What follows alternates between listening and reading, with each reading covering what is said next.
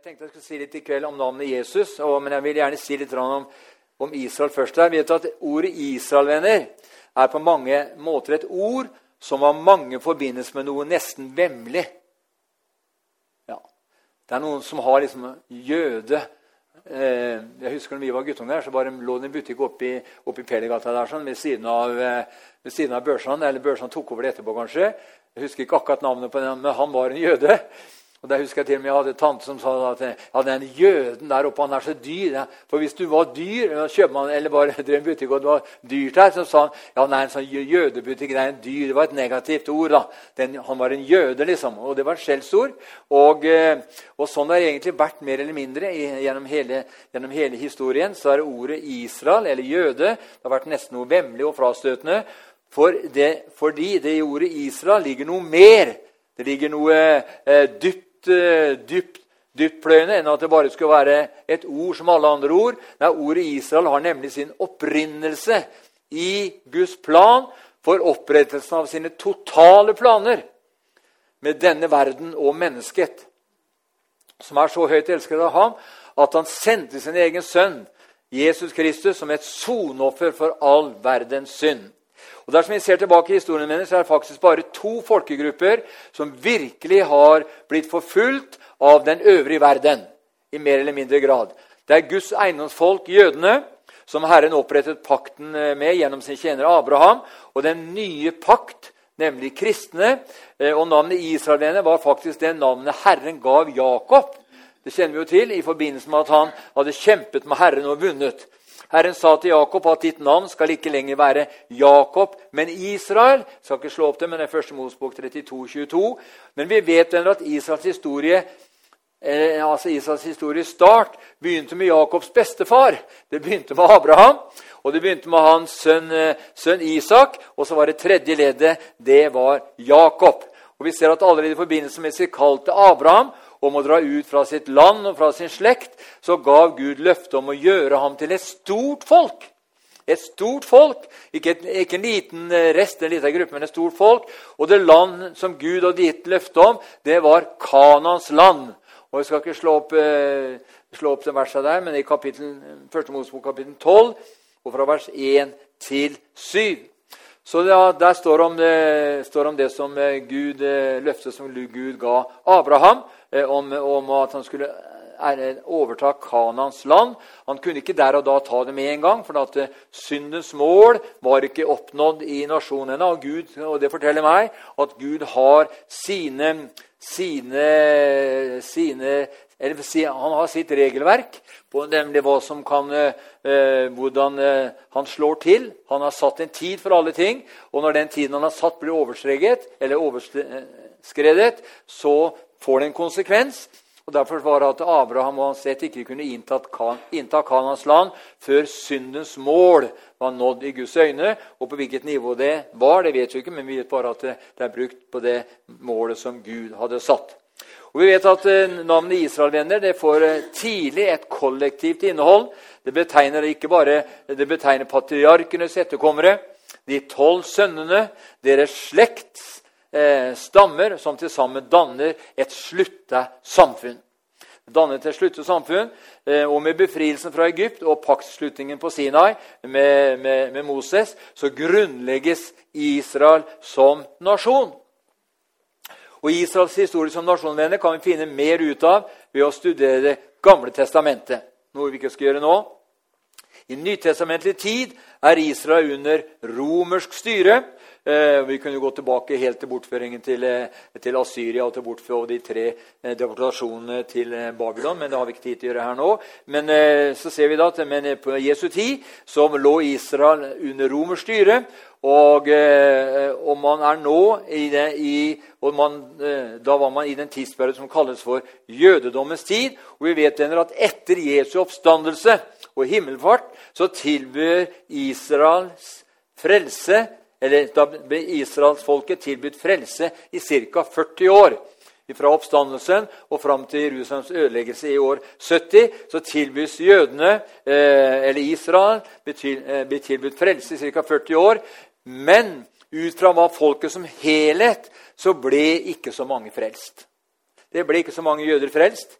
Israels forherdelse, som var forutsagt av profetene, blir ved den apostoliske jødemisjonen et faktum. Og da kan vi se på Romerbrevet 10.21. Det kan vi se på, det kan du kanskje slå opp, Kristian. Romerbrevet 10.21. Eh, så ser vi her, Men om Israel sier han, hele dagen rakte jeg hendene ut mot et ulydig og gjenstridig folk. Og Så kan du hoppe fram til Romerbrevet 11 og vers 25. Jeg vil at dere skal kjenne til en hemmelighet, søsken, så dere ikke skal ha for høye tanker om dere selv. En del av Israel er blitt forherdet inntil hedningene er kommet inn i fullt tall. Og vi vet at i år 70 så lar Gud paktsfolket eh, eh, da, da, kommer det paktsfolket som Gud utvalgte seg. Eh, da kommer de ytre konsekvensene av folkets forherdelse kommer da til syne. Jerusalem og helligdommen den ødelegges, og folket føres bort fra løfteslandet og spres over hele jorden. Og vi ser her at eh, Jesu domsprofetier oppfylles. Vi kan se her i Matteus 21, og fra vers 43 til 46. Vi må ta med det. Matteus 21, eh,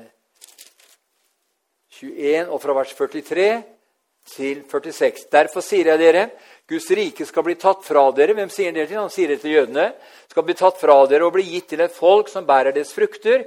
Og den som faller på denne steinen, skal knuses. Men den, faller, men den som steinen faller på, skal det smuldre til støv.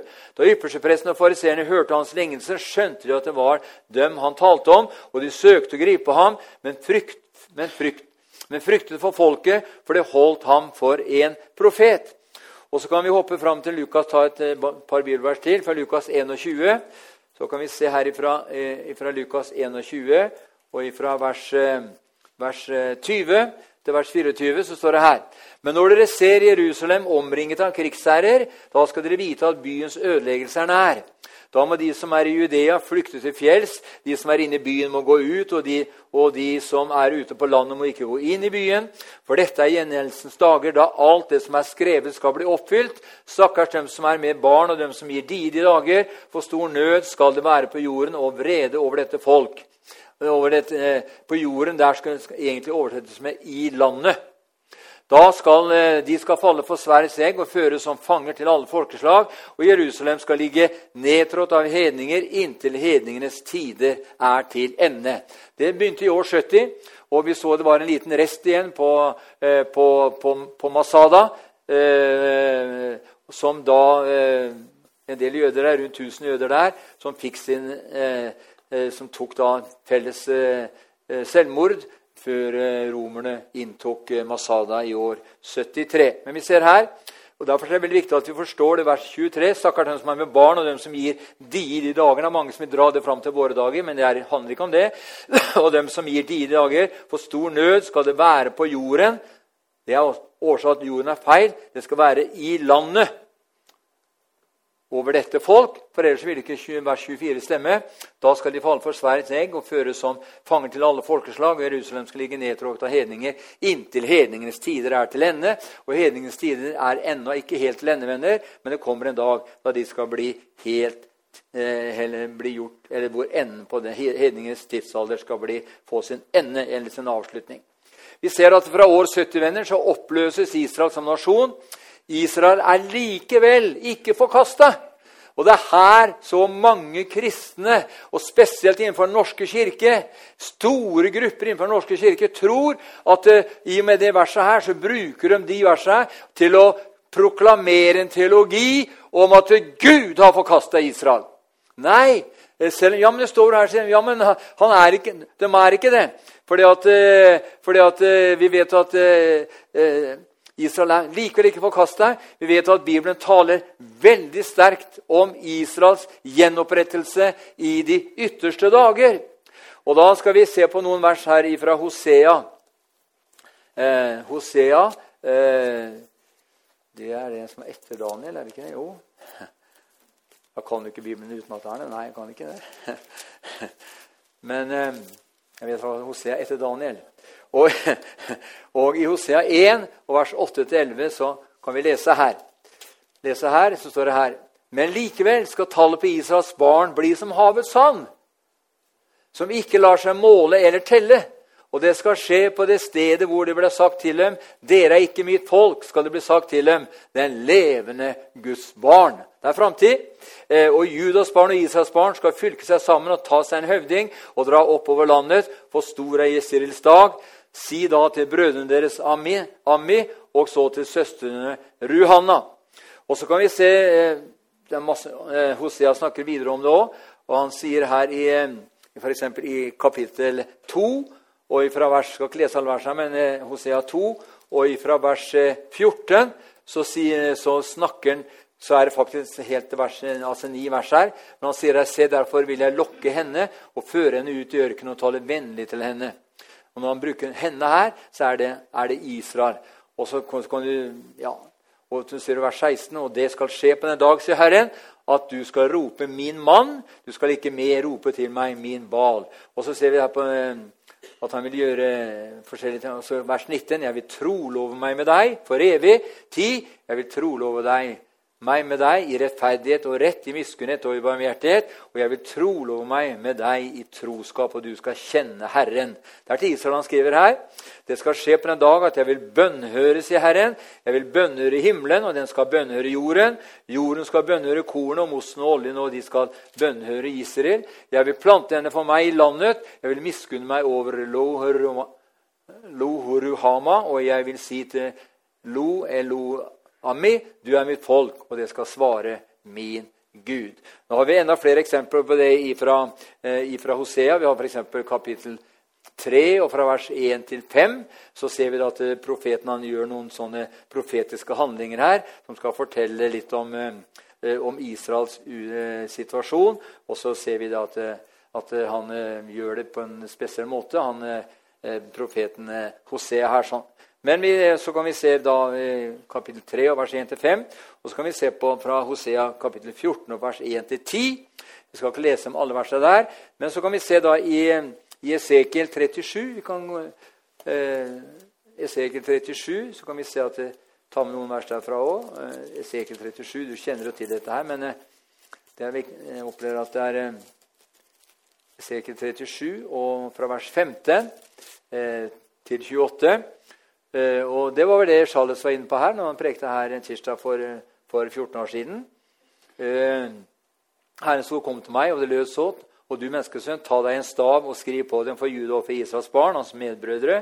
Og ta deg en, stav, en annen stav og skriv på den for Josef, Efraim og hele Israels hus, hans medbrødre og sett dem sammen, den ene til den andre, til én stav, så du blir til ett i din hånd. Og når ditt folks barn sier til deg, 'Vil du ikke la oss få vite hva du mener med dette?' Da skal du si til dem, 'Så sier Herren Herren, se, jeg la Josefs stav, som er i Efraims hånd, og Israels stammer, hans medbrødre, og jeg legger dem til Judas stav, og gjør dem til én stav, så de blir til ett i min hånd.' De stavene du skriver på, skal du holde i din høyre, eller skal du holde i din hånd for deres øyne, og si til dem, så sier Herren, Herren, se, jeg henter Israels barn fra de folk som de drog bort til, og jeg vil samle dem fra alle kanter og føre dem, føre dem til, til, deres eget land. Ja, hvis dere går, det handler om hele man stenker rent mann på dem osv. her. Det er også vi slutte en fredspakt osv. Så, videre. så vi ser her at både Hosea og eh, Eh, fra kapittel 37 eh, stadfester og bekrefter eh, dette som har med Israel i endetiden å gjøre.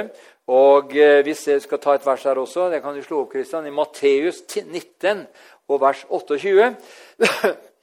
I Matteus 19, 28 Jesus sa til dem, 'Sannelig, jeg sier dere, når alt blir født på ny' og menneskesønnen sitter på tronen i sin herlighet, da skal også dere som har fulgt meg, sitte på tolv troner som dommere over Israels tolv stammer. Hvem tolv er han snakker til her? Han snakker til de tolv apostlene, eh, med unntak av Judas. Eh, og det er mange som lurer på hva det er Mattias som er den tolvte. Og det er noen som mener at man har fått en åpenbaring på at den tolvte er Paulus. Men vi får bare la det ligge. Men det står i hvert fall så er det overhodet over de tolv eh, Jakobs stammer, eller representanter for de tolv stammene, som skal da Her er det tale om hele Israels gjenreisning.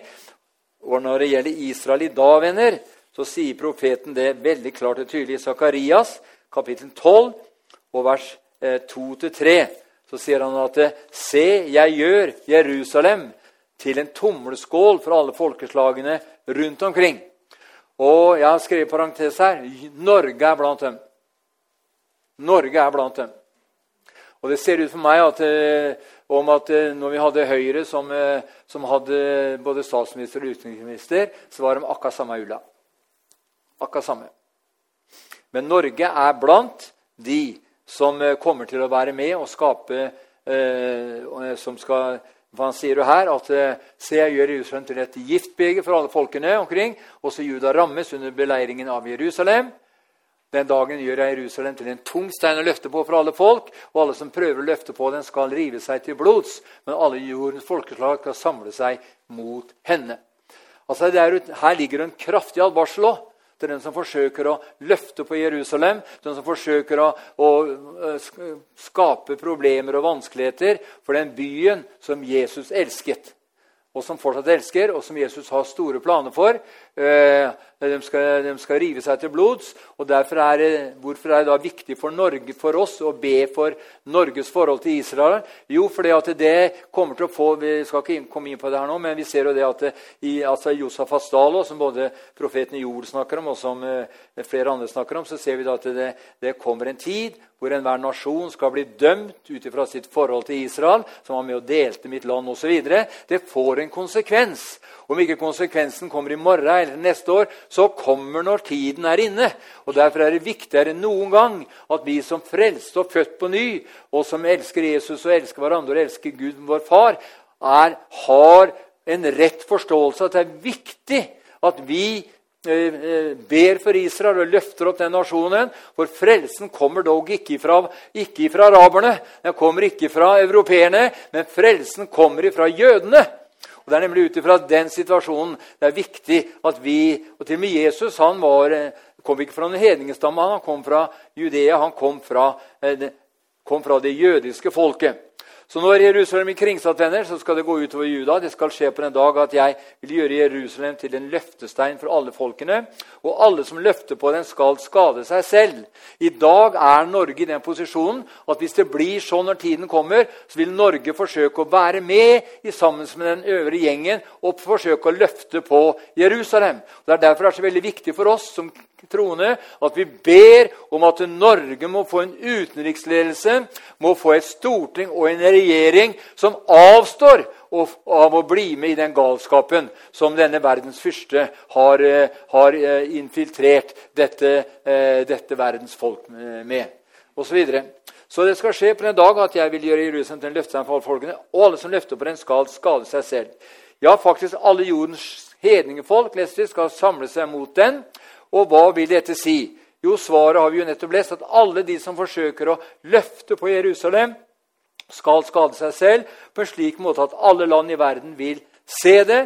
Og Jeg skal ikke si noe mer om dette her nå, venner, i denne runden her, men jeg skal referere til en profeti av den kjente jødiske messianske predikanten Lance Lambert. Han kom med en profeti for en tid tilbake. Og det er ikke sånn at den profetien slår til her og nå. Men eh, den profetien sånn som jeg ser det, den inneholder en, en del grunnleggende sannheter som kommer til å bli en realitet når tiden er inne. Og Han begynner med den profetien og sier følgende.: Min harme er vekket mot nasjonene, sier Herren, fordi de deler mitt land og forsøker å ødelegge min arv. Min brennende harme er lik en kokende kjele eh, mot disse mektige stater som har lagt sine strategier, og som gjennom press og manipulering søker å sette dem ut i livet. Nå vil jeg bli deres fiende, sier Herren, og jeg vil dømme dem med naturkatastrofer, med fysiske katastrofer, med brann, med oversvømmelse, med jordskjelv og med ødeleggelse. Jeg vil berøre havene, atmosfæren og jorden og alt som er, inn, eh, som er innenfor dette. Enda mer vil jeg berøre dem, dem der det svir mest, for jeg vil berøre deres makt og grunnvollene for deres overflod og rikdom. Alt dette her vet vi vil komme og, og altså ligger i løypa. Jeg vil knuse deres velstående økonomi, sier Herren, og jeg vil velte og velte slik at de skal vite at jeg er Herren. De som sitter, kjemper, eh, de, de sitter som kjemper så trygge og sikre og tror på sin egen dyktighet og visdom og makt. Men jeg, Herren, vil gjøre at de snubler. Og jeg vet når jeg skal gå litt videre, han, dette her med økonomi Jeg tror at det vil være Er noe verdens herskere, er noe eh, jeg tenkte ikke på ånd, altså, åndsmakter nå, men eh, nasjonsledere og presidenter og andre, andre, styrende makter er veldig opptatt med, så er økonomi. Og når økonomien smeller, venner, da vil pipa også fra de få en helt annen låt enn den har i dag. For Herren sier at 'jeg vil gjøre at de snubler'. 'Jeg vil føre dem inn i forvirring og uorden'. 'Jeg vil blinde dem og villede dem slik at de vil gjøre feil' 'fordi de ikke har aktet på meg eller æret meg', sier Herren, men heller nedverdiget meg, spottet mitt ord og ignorert mine pakter. 'Jeg har vært stille lenge', sier Herren, men nå, men, uh, nå vil jeg reise meg og, og i overstrømmende harme og vrede ved å dele mitt land og forsøke å demoralisere og ødelegge mitt folk Israel, har de kastet ned stridshansken. Jeg, Herrens, Herrenes Herre, den allmektige, vil ta den på. Derfor, dere som kjenner meg, dere som jeg har løst og frelst ved en så høy pris, som søker å tjene meg og stå foran meg, stå foran meg i forbønn. Lær dere å være i meg. Lær dere dere troende, å være i meg. Eh, for alle disse stormer og vanskeligheter vil komme over både de forløste og de uforløste. vil også merke det. Jeg er ditt sanne tilfluktssted, og ly, frykt ikke, men stol på meg, for jeg vil være din styrke. Vokt dere for arbeid som ikke er befalt av meg, for at dere ikke skal være ubeskyttet og bli falne. For over alt det jeg har befalt dere befalt dere å gjøre, vil det være nåde og kraft og visdom, og, være, og dere vil være fullt ut dekket. Frykt ikke, sier Herren, for jeg er i ledelsen og vil fullføre alle mine planer og hensikter. Ut, ut av all denne turbulensen vil jeg bringe en talløst frelst skare fra nasjonene. Og jeg vil bringe bruden, lammets hustru, og bruke presset, sorgen og turbulensen til å rense og forfine henne, om så bare en trofast rest blir igjen. Og midt oppi all denne rystelsen i selve sentrum av stormen vil jeg frelse hele Israel. Det er framtid, det vet vi kommer. For jeg vil åpne hennes blinde, blindede øyne og hennes lukkede sinn og hennes lukkede hjerte, og hun vil anerkjenne sin Messias, Herren og sin frelser. Varsomt og med ufeilbarlig kjærlighet vil jeg lede Israel, hun som er bestengt med blod, forfulgt og hatet, men Herren Israels hellige, vil føre henne forløst og herlighet ut av denne turbulensen.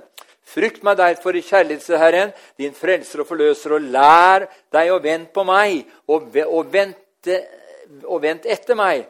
Eller til slike vil jeg se, til dem som har lagt sine, til dem som har lagt sine liv ned for min sak, som har ydmyket seg for meg, for dem som vil åpne, åpne, eh, åpne sitt hjerte eh, og åpenbare sitt eh, For dem vil jeg åpenbare mitt sinn og gi forståelse. For de som venter på meg, skal aldri bli forvekslet eller bli til skamme. Men de selvsentrerte og egenrådige og selvopptatte, de som er stolte og overlegne, de vil bli brutt, sier Herren. Sett din lit til meg alene. La meg bli ditt alt, og du vil komme uh, ubeskyttet gjennom denne tiden, for jeg vil være din evige skatt, som ikke smuldrer. Amen. Det var den profetien han Og jeg har skrevet under at denne profetien tror jeg ligger litt fram, men budskapet er tydelig. Det gjelder liksom hele det Det, det, er, det er, jo nesten sitat fra Zakarias og, og, forskjellige Guds ord, men det er, det er, den retningen. Og, derfor, og derfor, er det viktigere noen ganger venner, at vi forstår det at, at den situasjonen som er nå i Midtøsten og, og, og Gaza og dette her og Det er helt tydelig at Israel Jeg ser både BBC og CNN og NBC og mange nyhets, nyhets kanaler. De er liksom så veldig på ja, men er ikke Egeland han er en livsfarlig mann. Han har vært det i all. Han har vært en hater av Israel i all tid. Eh, sjefen i, i, i, Norsk Folkehjelp. Han, eh, han, gikk ut og sa i går at eh, etter, eh, etter, eh, etter eh, den FN-loven om, om under, un, ja, under, krig så har de ikke lov til å fordrive kvinner og barn i trygge soner, for det var brudd på FN-lovens eh, et eller annet han sa. Men da gikk hun der Hellestveit ut og skrev et innlegg i går og skrev at Egeland forstår ikke hva han snakker om. sier hun. For det er totalt feil, det han sier. For den eh, FN-loven i folkeretten den sier helt tydelig og klart at hvis et, hvis et land er i krig og, tatt, og, det er okkupert område, så har det landet som er i krig, en fullstendig rett til å sørge for at kvinner og barn blir brakt i trygghet før de angriper. Så hun satte den på plass. Men eh, vi må være klar over at Egeland han er en som representerer Norsk Folkehjelp, som får 500 millioner kroner over det norske statsbudsjettet hvert år. 500 millioner. Du skjønner at vi trenger en forandring i nasjonen vår. Vi trenger en forandring i nasjonen Norge. Ja, Nok om det. Så, kan jo, så vi ser bare det at, og vi ser her at de, de folka får sånn spalteplass og taleplass. NRK kjører jo døgnet rundt nå. Eh, før angrepet står det som overskrift over NRK Nyheter. før angrepet. Og så er det Sissel Wold, da, som kommer med hele den løgnen sin. Og jeg, jeg må si at det, jeg har vanskelig for å bli irritert og tenne, men jeg, jeg, må si at jeg blir ganske irritert når jeg hører hun si følgende Jeg har vel det, Laila, vanskelig for å tenne? Ja. Nei, jeg har, altså, Når jeg hører hun sier at Kan gi en oppsummering, sier hun der reporteren til Sissel Wold. Ja, det var i 1948, når Israel fordrev 750 000 palestinere eh, ut, av is, ut av Israel. Så da begynte det. Mens virkeligheten var at Israel fordrev ikke en eneste eh, si, palestiner ut av, ut, av, ut av, landet. fordi det var de andre arablandene, Egypt, og Syria og Irak, som sa det at, og Jordan sa stikk for en liten stund. For nå skal vi knuse Israel og gjøre totalt ende på det de har tenkt å bygge her i Midtøsten. Så skal dere komme tilbake, så skal dere ikke bare få tilbake de husene dere hadde fra før av, men dere skal også få de områdene som FN har gitt til Israel det som er virkeligheten. Det var ikke det at Israel fordrev dem. Det var deres egne venner som ba dem å forlate området. Det jo, kan jo bevises svart på hvitt. I, eh, i, både, eh, i, både, historisk i form av både eh, dokumentasjon og alt mulig. Men dette, sånn vil jo ikke, dette vil jo ikke og Så får vi da, får, Her kan jeg bruke ordet kjerringa. Altså. Og da får, jeg, får vi den kjerringa her til å bare pøse på med all løgnen. Og det er bare sånn venner, at hvis en løgn blir fortalt mange ganger nok til et, til et, et samla folk, så vil flere og flere av folk til slutt begynne å tro på løgnen. Men nok om det. Vi skal ikke Og vi vet at navnet Palestina Det har aldri vært et folkeslag som heter Palestina, eller palestinere. Det har aldri vært et land som har hatt en konge som har over et land som heter Palestina. Det var nemlig da at etter den andre oppstandelsen i år 105, 33-135, når, når jødene gjorde et siste opprør eh, mot altså romerne i år 135, så ser vi at keiser Hadrian har bestemt seg nå skal jeg ta dem en gang for alle. Nå gjør vi det slutt en gang for alle. Og da fordrev han resten av jødene. Det bodde fortsatt noen få igjen, men han fordrev storparten av jødene da ut fra Israel, Judea.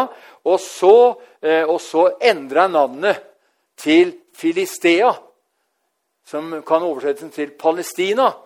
Eh, og da fikk det navnet Filistea, er noe som ble senere kalt Palestina. Sånn var det det navnet kom til. Og, eh, og, eh, og, og, og den Og derfor så, så tok hun navnet på Israels største fiender gjennom hele Gamle testamentet, nemlig filisterene. Og filisterne, det er litt, det er litt uh, forskjellige oppfatninger av hvor de kom fra. Noen mente det var et kreterfolk, noen mente at de kom fra Kypros, og noen mente at de hadde litt sånn tilknytning til litt nærmere mot Adriaterhavet. Men det, altså det, det, spiller ingen rolle. Men hele det, eh, det filiste, filisternes folkeslag de har jo finnet, kan gå inn og google på det, de har funnet rester av byer og alt mulig, for det var et stort folk. Men de var svorne fiender av Israel. altså. Akkurat som Hamas. De var svorne fiender av Israel. Og det som skjedde var at det hele det filisterende folkeslag det ble assimilert og forsvant i en, eh, rundt et sted mellom 400 og 700 år før Kristus. Da var det borte. Da var det borte. Og det var nemlig det den romerske keiseren Hadrian ville at det, det landet som jødene hadde, det skulle få Det var liksom det verste de kunne kalle landet. vet du. Det var å kalle det Filistea. da. Nok om det. Det er mye, det er mye mer å si. Men, eh, men venner, vi er frelst. Vi skal til himmelen. Jesus kommer snart. Og snart så kommer han som kommer skal, og han skal ikke dryge. Og jeg tror venner av hele vårt hjerte at vi må få en større eh, forståelse av hva navnet Jesus betyr, og hva det innebærer. Og eh, Stefan skal jo nå eh, høre, Rune skal jo nå ha en, eh, ha eh, stråling nå fra i morgen og så være i Oslo i 14 dager. Eh, og så skal stråle den, der, den, altså den spredningen. de sier at de ikke kan gjøre noe med den bukspyttkjertelen, men men Rune bryr seg ikke om det. Han, han er klar over én ting. Han venter på full utfrielse. Full utfrielse. Full befrielse ifra Den skal ikke være en rest. Den skal holde på med, med tabletter og holde på med eh, stråling og med forskjellige sånne ting framover. Nei, det er ikke godt nok. Det er ikke godt nok. Og Stefan han skal jo opereres på nytt nå på, på onsdag, hvor de skal bare, først og fremst bare ta ut den slangen som, som, han hadde, glemt å ta ut. da, Som har plaga ham veldig, så han måtte ligge mye, mye sier han. Og så skal han også få da svar på onsdags kveld. Så får han svar om all kreft er vekk. Så får vi høre det på onsdag eller på torsdag formiddag. Da kan vi si fra her på bønnemøtet på torsdag hvor den er gått. Og han er helt overbevist om at det ikke fins et spor av kreft igjen.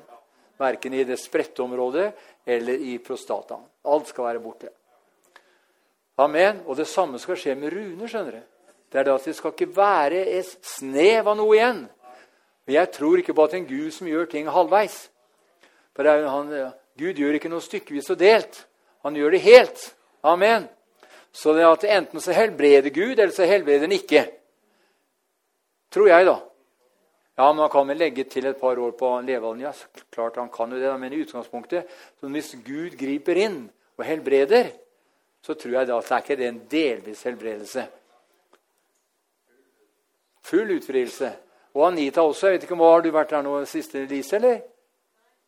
Nei, men det var noen som var der i går, tror jeg. Var det ikke det? Nå orka jeg ikke noe besøk, nei. Ja, nei, for, ja. Ja, men vi bare fortsetter å løfte Anita også opp. Også opp for uh, Gud har planer for Anita. altså. Ja, nå er hun 79 år siden, og da kan, da kan hun liksom reise. Nei, Hvis hun vil leve, så skal hun få leve. Amen. Halleluja. Det er en ting som er, som er, veldig, som er veldig, viktig for min del og for hele, hele menigheten, her, det er at uh, Stefan og Rune går ut med seier.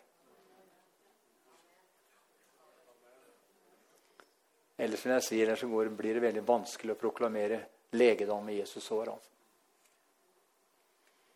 Det vil jeg si. Så jeg forventer jeg, total utfrielse. Ja. Amen. Halleluja.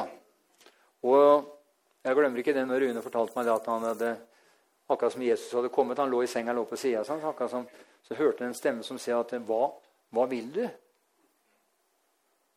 Og så svarer Rune at ja, jeg vil leve, sier han.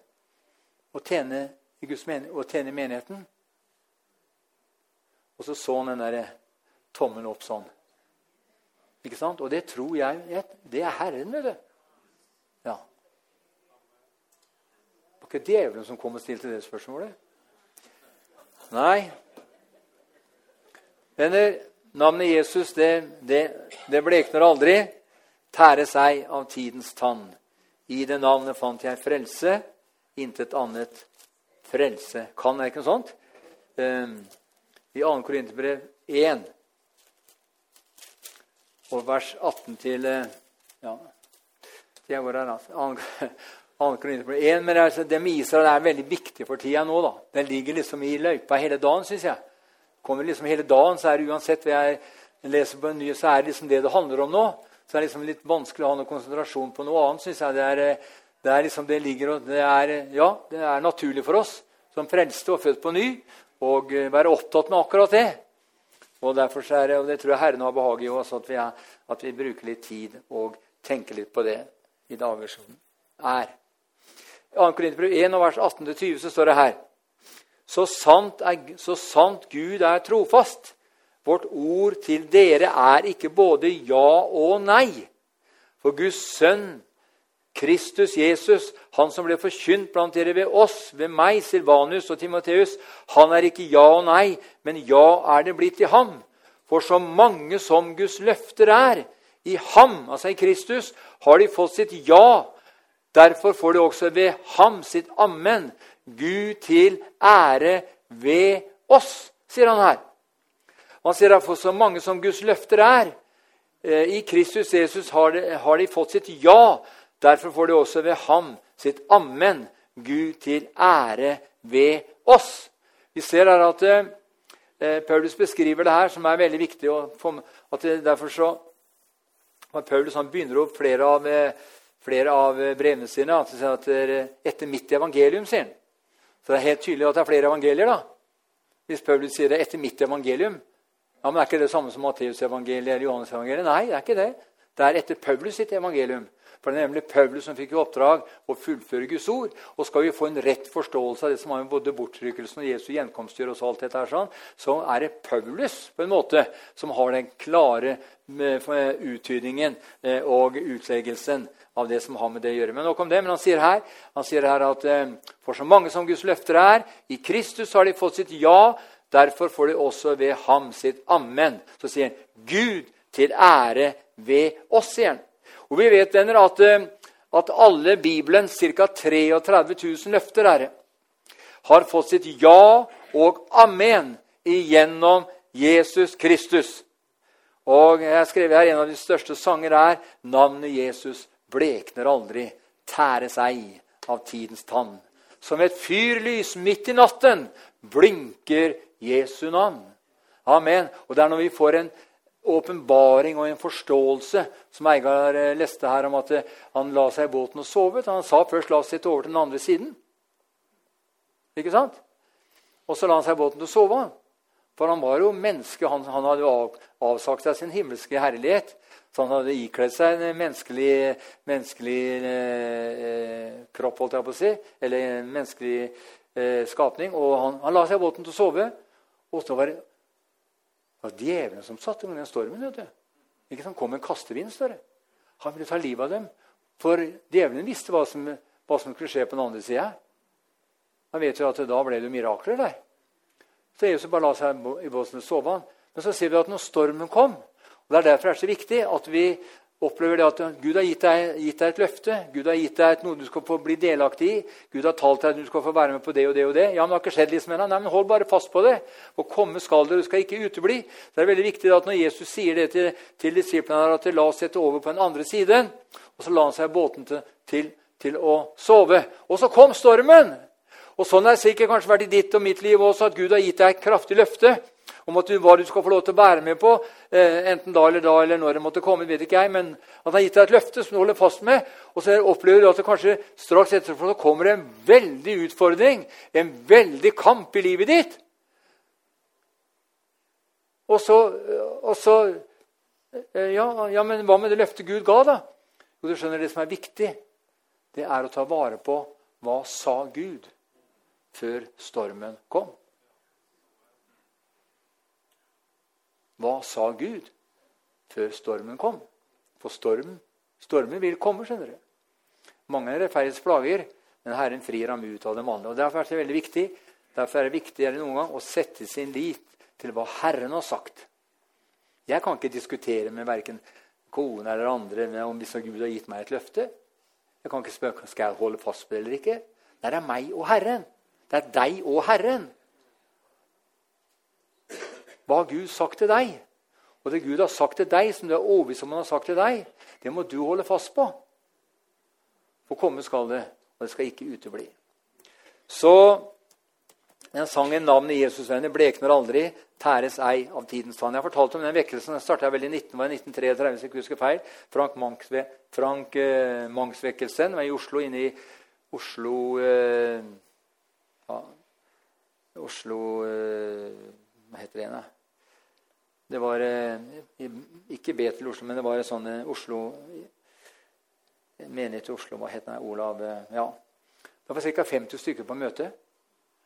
Og så, mens de var der og priste Herren, så kom det en sånn en sky inn på toppen av lokalet. Og så gikk det nedover og over alle 50. Alle 50 ble åndsdømt, åndsdømt fylt av Gud, døpt Den hellige ånd og begynte å tale i tunger. Og da var Frank Frank Mangs-vekkelsen et faktum. Er ikke Gud den samme i dag? Amen. Halleluja.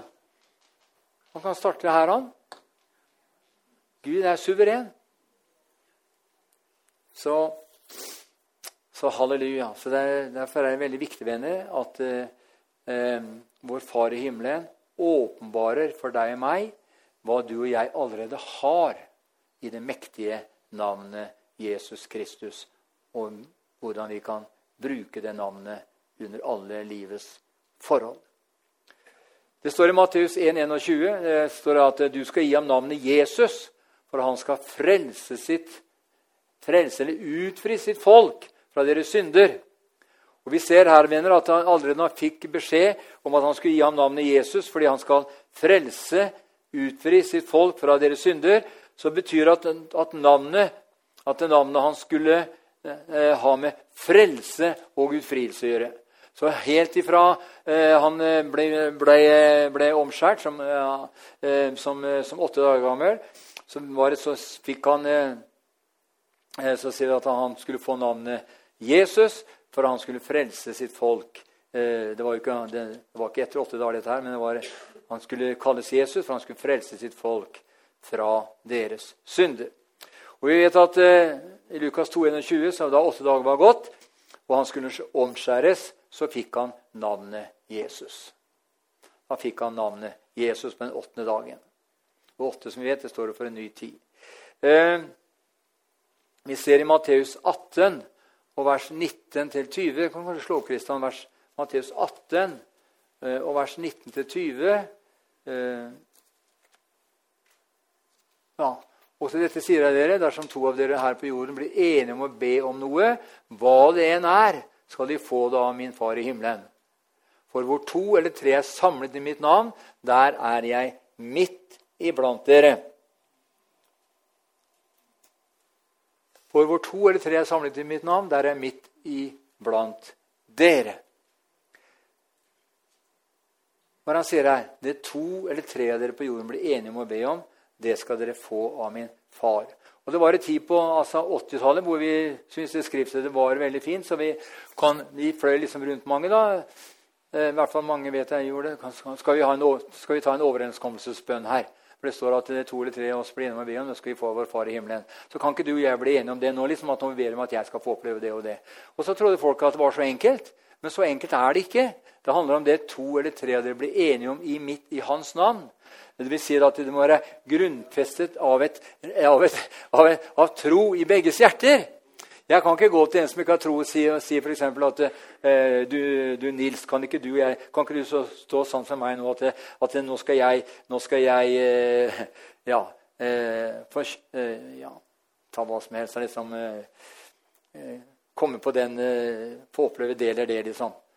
Ja, men enig. Vi står sammen, liksom. Og så er det ikke sikkert han Nils bryr seg om det i hele tatt. han. Men han sier bare høflig, så sier han ja. Det er ikke så sånn som det. Men det er jo ikke mer enn en, en munnhell. Men det er nå to eller tre ut ifra et hjerte, skjønner du, halleluja, blir enige om noe i Den hellige ånd, i sannheten, så skal vi få det. Amen. For det gikk litt sport i det skjønner du, litt på 80-tallet. Jeg vet ikke om noen husker det. Det var mange sånne tilfeller. Folk ringte. du, det står skal vi be en overenskomstesbønn her. Men trodde det var rett, og alt dette er jo, det er jo riktig, det er jo sant òg. Men det må være mer enn bare et, eh, at vi liksom, det må være noe, det må være en dybde i det. Ja. Og, når, og det må være i Kristus. Så skal vi få erfare og få oppleve at det, kanskje det tiden at, eh, at det, det, det verset der kan få en sterkere relevans nå blant oss i dager som kommer.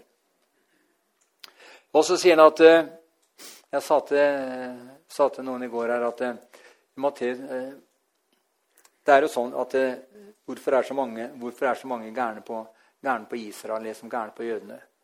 Jo, det er forutsagt, ja, vet du. Til og med Jesus sa det sjøl. Han.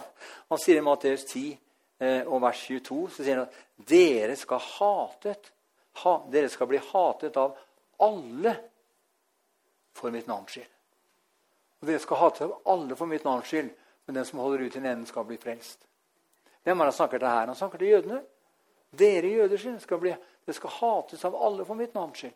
Derfor blir det veldig vanskelig å, lage konstellasjoner blant hedningene som skal verne Israel. som skal eh, gjøre vel mot Israel. Vi ser noen eksempler opp gjennom historien hvor Gud har brukt eh, bl.a. kong Kyros og andre Israels fiender til å føre fram sin vilje i gitte situasjoner. Men det å få hedningefolk som ikke er frelst og født på ny, få dem til å på en måte samle seg og liksom bli enige om å beskytte Israel og, og, og, eh, og eh, det, det, det, kan se veldig vanskelig ut, for vi skal egentlig hates av alle. En annen oversettelse vi skal hates av alle folkeslag for mitt navns skyld. Det er Jesus som sier det. Men for deg og meg som er frelst og født på ny, så er jo ikke vi, ikke vi blant dem. Vi er blant dem som kan forene oss, eh, både hver for oss og sammen, til bønn og være med å løfte opp Israel som folk og det jødiske folket. For det står 'velsignet være den' som velsigner eh, Israel eller, eller Abraham sitt, den skal Gud velsigne. Og, og, den som forbanner, skal Gud forbanne. Og han sier at 'vær hilset, du Jerusalem', sier en oversettelse. Og det skal gå deg vel, de som elsker deg. Og Det er ikke bare et munnhell, men det blir en sannhet i hjertet.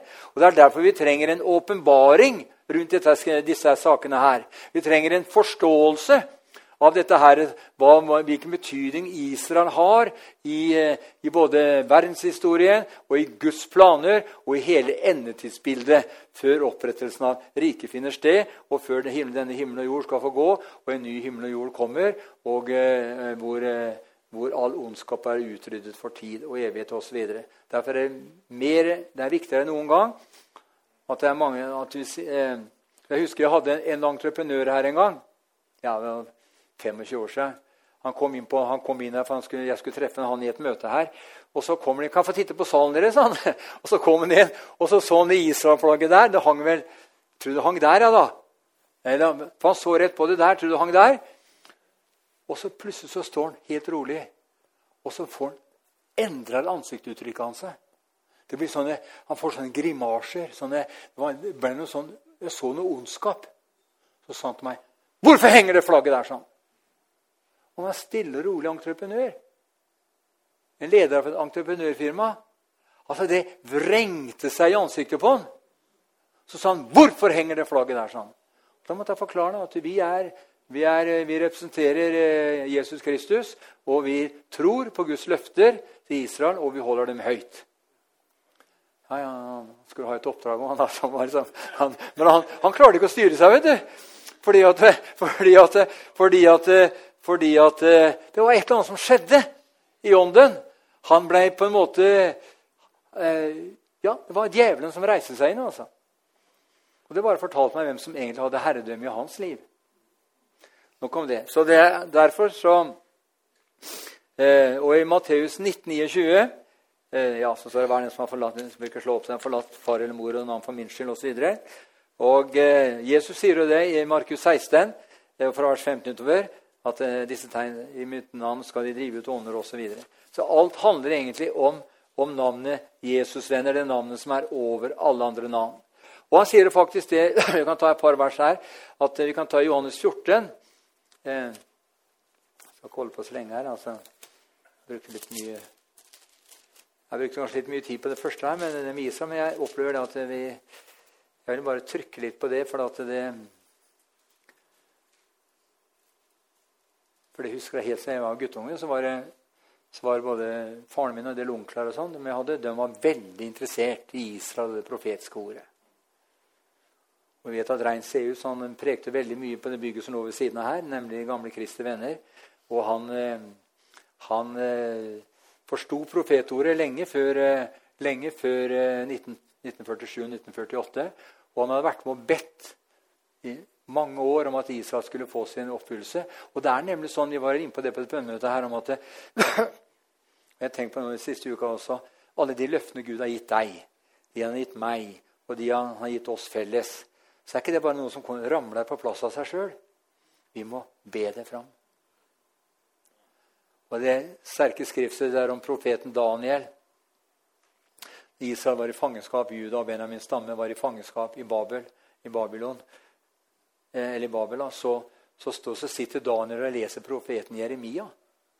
Og Profeten Jeremia hadde jo skrevet at Israel skulle bli bortført som fanger i 70 år. Og så sitter profeten Daniel og leser det fra profeten Jeremia.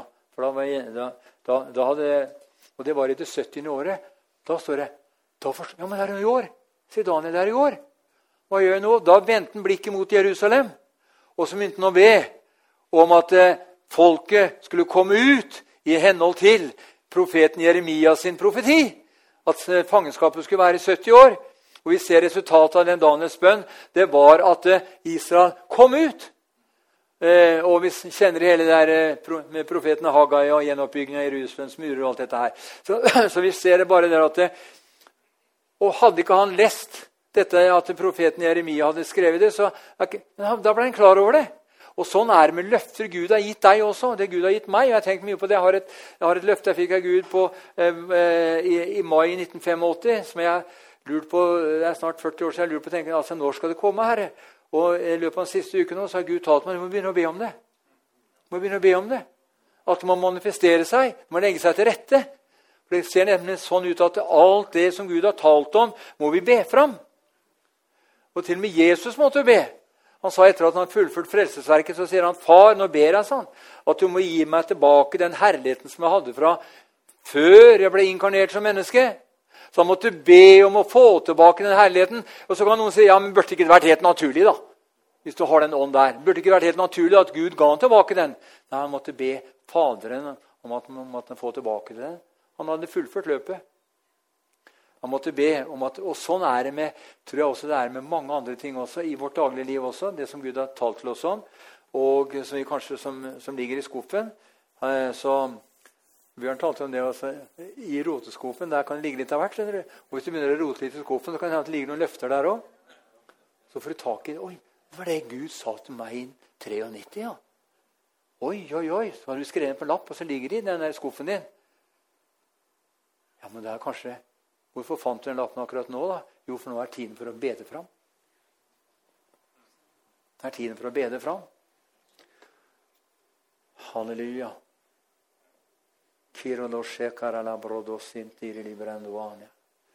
Halleluja.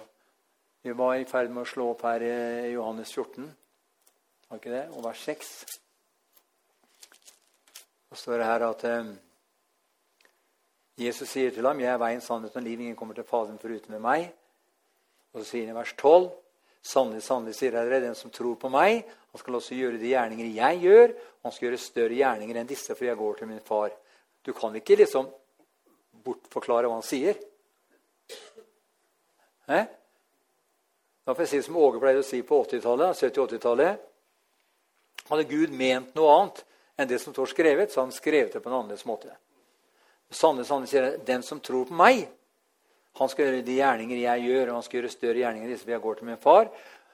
og vers 13. Og hva som helst dere ber om i mitt navn, det skal jeg gjøre, for at Faderen skal bli herliggjort i Sønnen. Om dere ber meg noe i mitt navn, så skal jeg gjøre det, sier Jesus.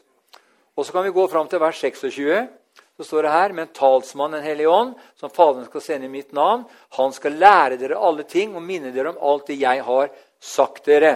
Eller fortalt dere. Og talsmannen skulle jo sendes. Den uh, Talsmannen var den som, som, Faderen skulle sende, nemlig i hvilket navn? Jo, i Jesu navn. Og Så kan vi gå fram til Johannes 16, så kan vi ta vers 23-24. Så sier han her Og på den dag skal dere ikke spørre meg om noe. Hvilken dag er det snakk om her? Det er snakk om pinsedag. Når ånden falt. Det viser seg som tunge like som han gild, og satte på enhver av dem. Og de begynte å tale i nye språk alt etter som ånden ga dem å tale. På den dagen. På den dag skal dere ikke spørre meg om noe lenger. Sannelig, sannelig, sier jeg dere. Alt det dere ber Faderen om, skal han gi dere i mitt navn. Hittil har dere ikke bedt om noe i mitt navn. Be og dere skal få for at deres glede kan være fullkommen. De to versene der var jeg og hørte på og besøkte Åge Åleskjær og et par andre brødre i USA i februar 85 på Kenneth Hagen-seminar. Og Da prekte Kenneth Hagen senior om de to versene hele møtet. Hele uka. Hele uka. To bibelvers. Hittil har det ikke bedt om noe i mitt navn, men alt dere nå har bedre Faderen om mitt navn, det vil jeg gi dere. Det prekte han om hele uka. Og han la ut enormt, altså. Ja. Så vi ser her talsmannen som Faderen skal sende oss. Hittil alt dere ber Faderen i mitt navn, sier Jesus, får vi i Jesu navn.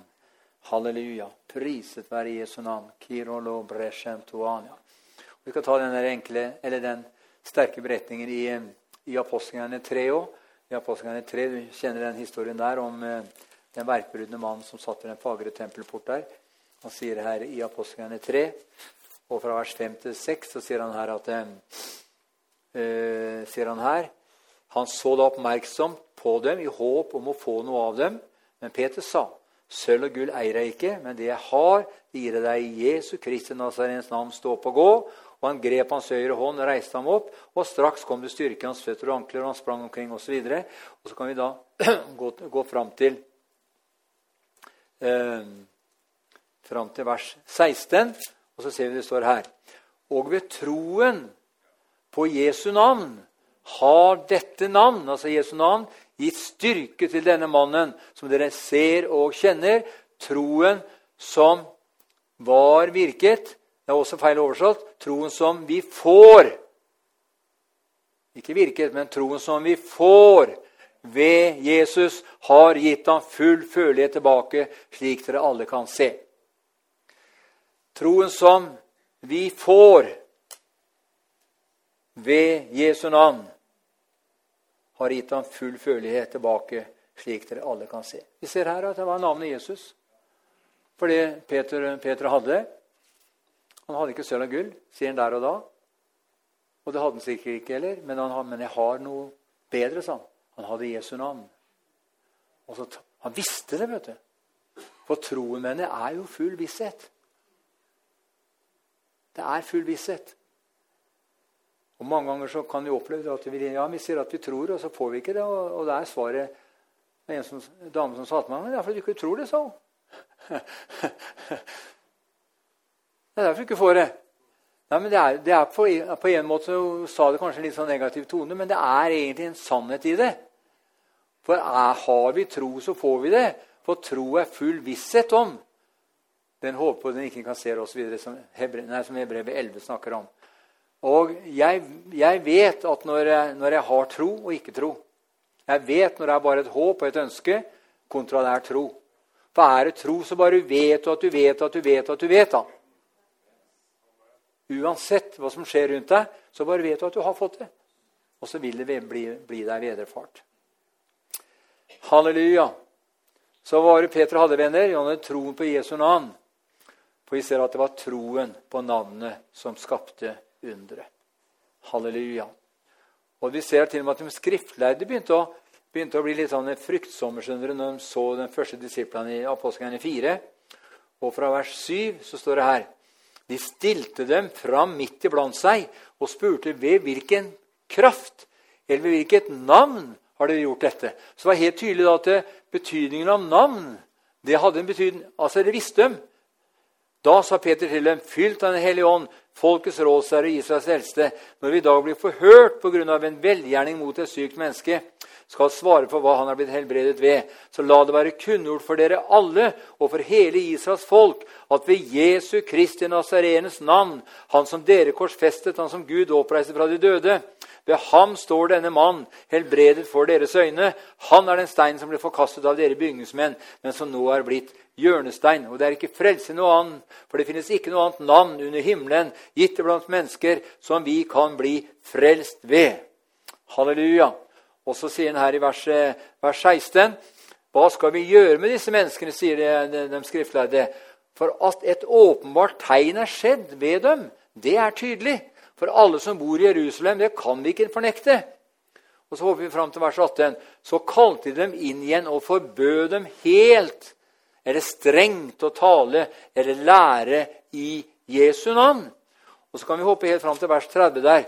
Så står det her Idet du rekker ut din hånd, så helbredelse og tegn og under skjer ved din, ved din hellige tjener Jesu navn.